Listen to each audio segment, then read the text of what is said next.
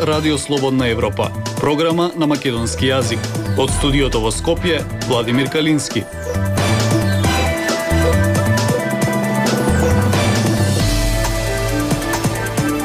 Почитување следите емисијата на Радио Слободна Европа. Руската пропаганда во Северна Македонија е со голем обем, покажува студија на граѓанската организација Мост. Инциденти и апсење на надпреварот Левски Шкупи, бугарски државјанин заврши субот од нож. Климатски промени, океанските струи во Атлантикот стануваат побавни, покажуваат нови истражувања. Слушајте на Слободна Европа. Следете на на Facebook, Twitter и YouTube.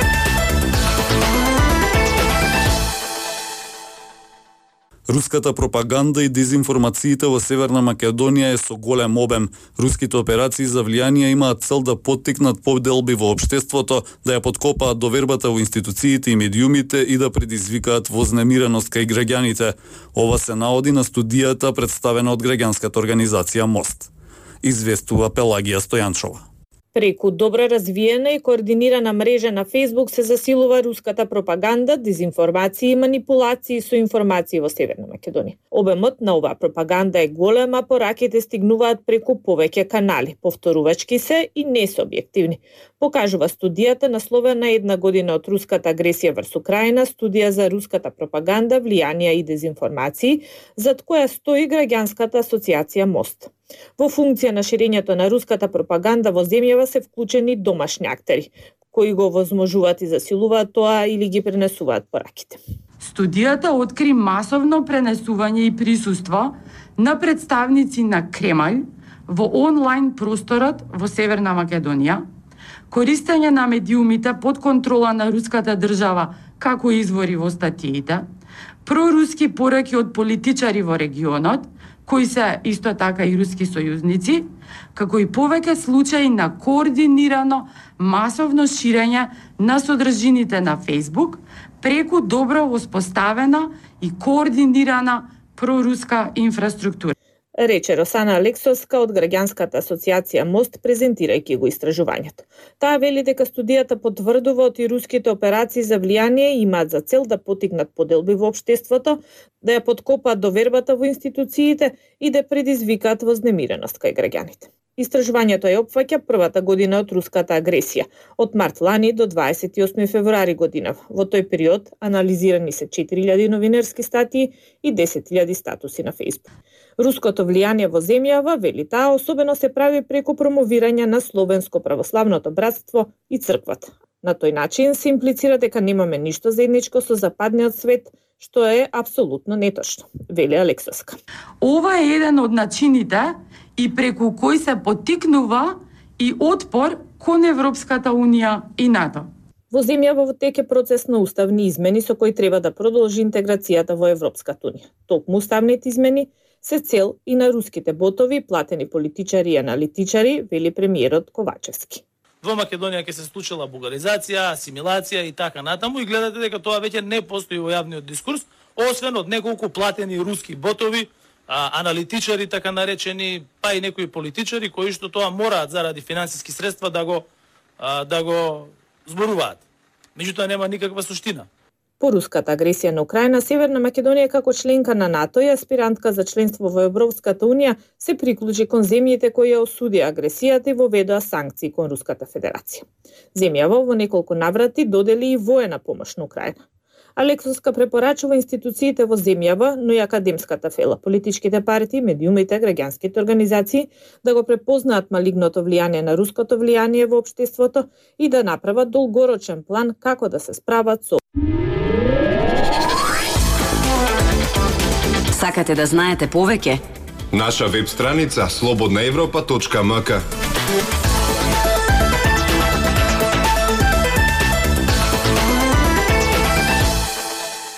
Од провокации до инциденти.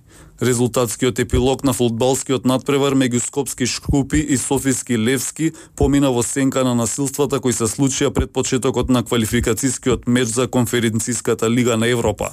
Надпреварот беше означен како високо ризичен, а по инцидентите имаше десетина повредени. Петар Клинчарски 21 приведен навивач, еден повреден субот од ноши негови напаѓачи кои полицијата веќе ги идентификувала. Ваков е билансот од вчерашните инциденти во текот на целиот ден во пресрет на фудбалскиот надпревар помеѓу Шкупје и Левски, меч кој УЕФА предходно го означи како високо ризичен. Од вкупно уапсените, 19 се навивачи на Софискиот клуб Левски.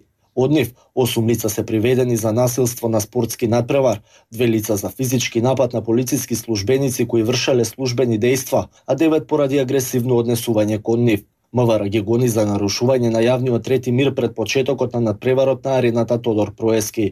Помеѓу приведените се и двајца навивачи на Скопски шкупи, кои околу полнок биле уапсени бидејќи учествувале во тепачка. МВР соопшти дека веќе ги идентификувала и напаѓачите на четворицата бугарски навивачи, кои со две возила се движеле во близина на трговскиот центар Чаирчанка. Едниот од нив, 29 годишен бугарски државјанин, завршил слобод од нож, но тој е во стабилна состојба. Министерот за внатрешни работи Оливер Спасовски, ден по синокешните инциденти, упати порака дека спортските настани треба да бидат места за уживање, а не за создавање насилство како што кажа првиот човек на македонската полиција, на самиот настан немало инциденти. А, сите навивачи кои што пристигнаа организирано на граничниот премин Девебајр, од таму се преземени и во полициски кордон се донесени до а, самиот стадион во кој, на кој што се одржуваше надпреварот, преварот. Имало веројатно неколку а, возила кои што доаѓаат сосема неорганизирано и при поминувањето во а, Чаир, преку одредена провокација која што ја прават, настанува конфликт, при што знаете дека имаме едно лице повредено. За тепачката во Чаир се огласи основното јавно обвинителство Скопје, Оттаму објаснуваат дека до инцидентот дошло откако навивачите на ФК Левски со две возила се движеле во близина на трговскиот центар Чаирчанка, каде влегле во вербална расправија со случајни минувачи и граѓани. Бугарските навивачи ги запреле возилата и излегле од нив, пошто вербалната расправија преминала во физичка пресметка со група граѓани кои излегле од околните објекти. При враќање во автомобилот, 29 годишен бугарски државјанин бил повреден со остар предмет во абдоменот. Кај него е констатирана тешка телесна повреда и е хоспитализиран. По извршената хируршка интервенција, тој е во стабилна состојба, соопшти обвинителството.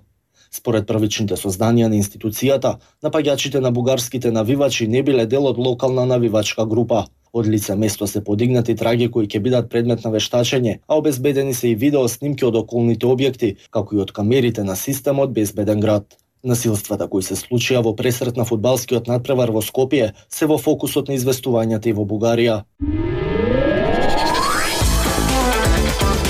Бидете наш гостин и посетете ја. Слободна Европа.мк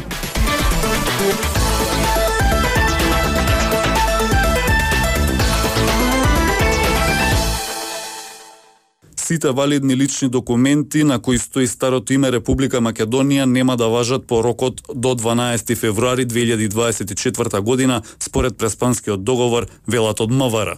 Прашање е дали ќе настане хаос со оглед на краткиот период од 6 месеци во кој граѓаните ќе мора да ги променат пасошите, личните карти и возачките дозволи.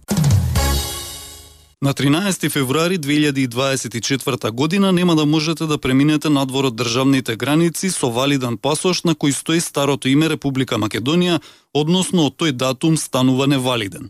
Исто така, ако ве запре полиција со возило, ќе ви напише казна ако вашата возачка дозвола не е со името Република Северна Македонија. Неважечки ќе бидат и личните карти. Ниту една институција нема да ги прифаќа како важечки документ. Издадените лични карти, пасоши и возачки дозволи кои се со важечки датум, но го содржат името Република Македонија, ќе важат најдоцна до 12 февруари 2024 година, потврдуваат од Министерството за внатрешни работи за Радио Слободна Европа. Старите документи после 12.2.2024 година нема да имаат важност, без разлика кога истекуваат.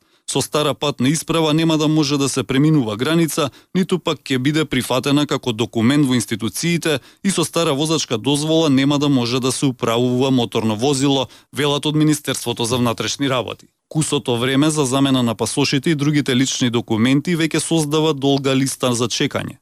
Ако се обидете да закажете термин телефонски, резервација ќе добиете за околу еден месец. Закажувањето преку интернет не успева лесно, па опцијата е да се јавите телефонски.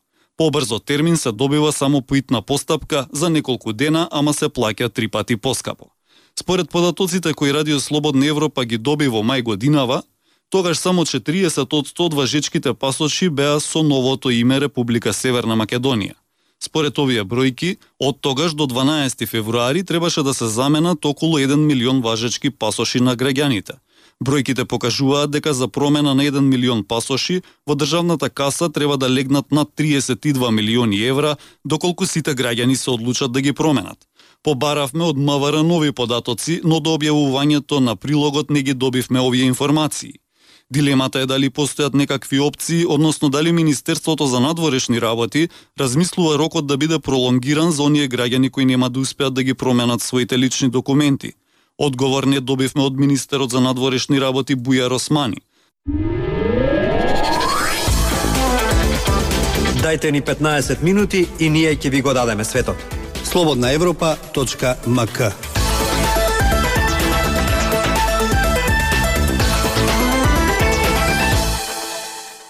Наводите од новото истражување на научниците од Универзитетот во Копенхаген покажуваат дека чувствителниот систем на океанските струи во Атлантикот станал побавен и помалку еластичен.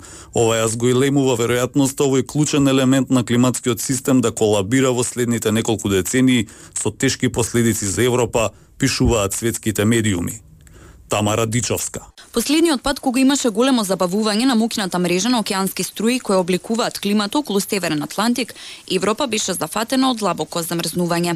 Тој период траеше подолго од еден милениум. Тоа беше пред приближно 12.800 години, пишува Нью Йорк Таймс. Меѓутоа, во последниве децении затоплувањето предизвикано од човекот може повторно да предизвика забавување на протокот, а научниците работат на утврдување дали и кога ќе доживее уште едно големо забавување, што би влијаело на временските образци ширум светот.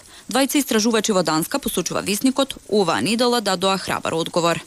Ненадејно слабење на електричната енергија, па дури и негово исчезнување, би можело да не чека до крајот на векот, што додава вестникот е порано отколку што се мислеше. Климатолозите генерално се согласуваат дека атлантската струја ќе опаѓа овој век, но нема консенсус дали таа ќе престане пред 2100 година. Новото истражување објавено на 25 јули во исписанието Nature Communications се надоврзува на се поголем број научни трудови кои опишуваат како континуираните емисии на гасови кои задржуваат топлината може да предизвикаат климатски клучни точки или брзи и тешко остварливи промени во животната средина. Во Атлантикот истражувачите бараа предвестници на промени во збир на океански струи наречени Атлантска меридијална ротацијска циркулација, посочува визникот, додавајќи дека овие струи носат топли води од тропските предели преку Голфската струја покрај југоисточниот дел на Соединетите држави пред да свртат кон Северна Европа. Кога оваа вода ја испушта својата топлина по северно во воздухот, таа станува постудена и погуста и затоа тоне во длабокиот океан и се движи назад кон екваторот. Овој ефект на тонење или превртување му возможува на струите да пренесуваат огромни количества топлина низ планетата, што ги прави исклучително влијателни врз климата околу Атлантикот и пошироко. Но како што луѓето ја загреваат атмосферата, топењето на ледената покривка на Гренланд дава големи количества свежа вода во Северниот Атлантик, што истакнува Нью Йорк Таймс може да го наруши балансот на топлина и соленоста што ја одржува превртувањето.